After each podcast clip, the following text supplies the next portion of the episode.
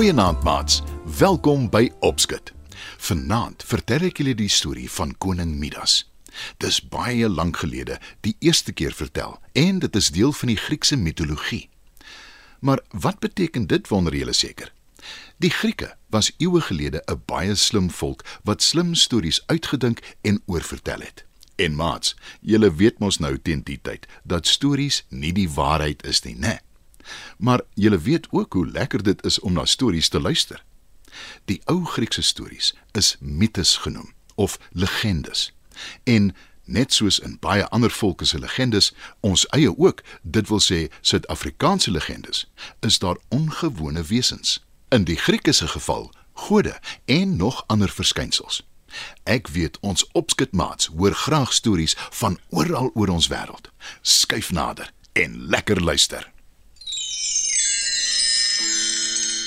Lank, lank gelede was daar 'n skatryk Griekse koning. Hy het in 'n groot paleis gebly. Sy naam was Midas.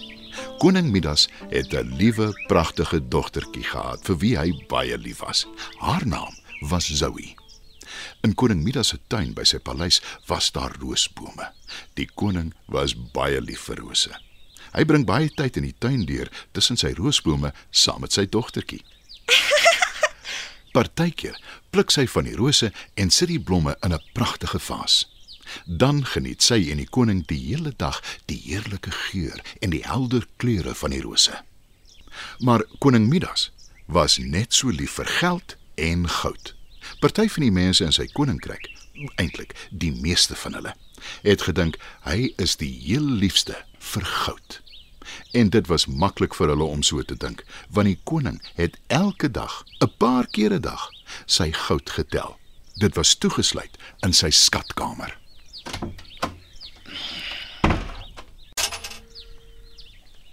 dan roep hy opgewonde goud goud wonderlike goud ek is lief vir goud en ek is skatryk toe eendag terwyl hy en sy dogtertjie in die tuin loop en na die rose kyk sien sy iemand onder een van die bome lê en slaap. Wat is dit, pappa? Wil sy weet. Die sater skrik wakker en sê verontwaardig: "Nie wat nie, klein ding. Wie? Ek is 'n sater." Zoe kyk verbaas na haar pappa, die koning, en vra: "Wat is 'n sater, pappa?"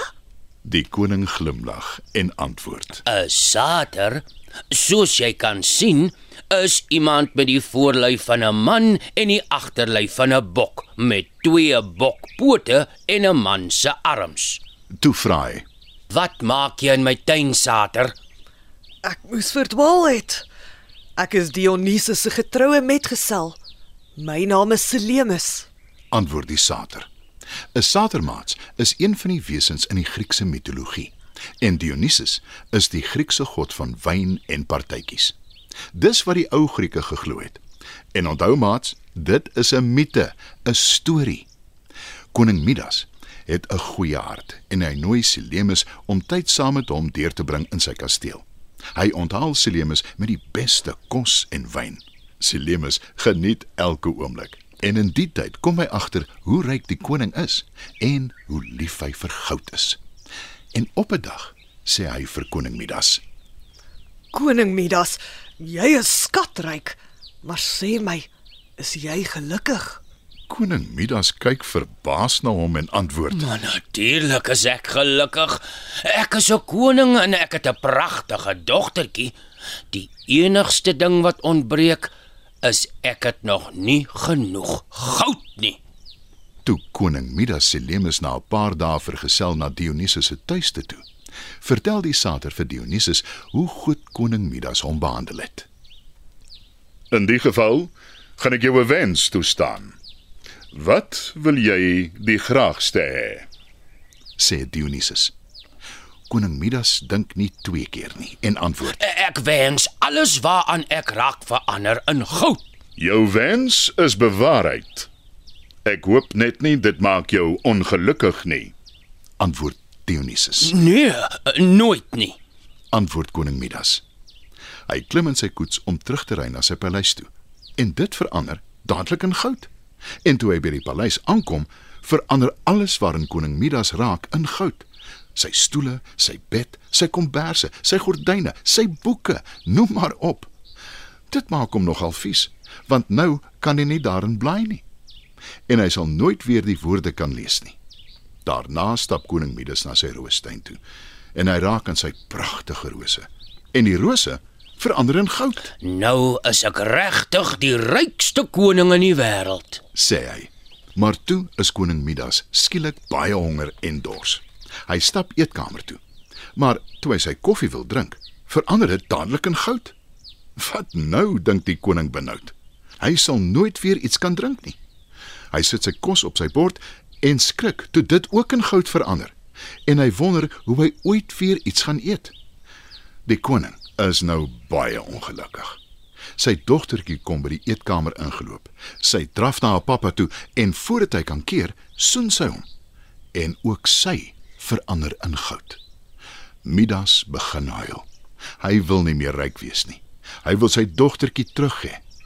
Koning Midas haas hom terug na Dionysus toe en smeek hom om die wens ongedaan te maak.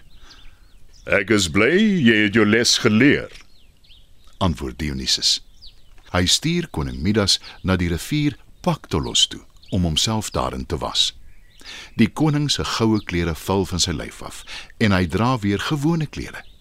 Die koning spring in sy koets en ook die koets is nie meer goud nie. By sy paleis aangekom, verander alles waarin hy vat terug na wat dit was. Die heel belangrikste natuurlik is sy geliefde dogtertjie. Alles is weer reg. Sy dogtertjie lewe weer. En van die dag af haat koning Midas goud en rykdom is nie meer vir hom belangrik nie. Thank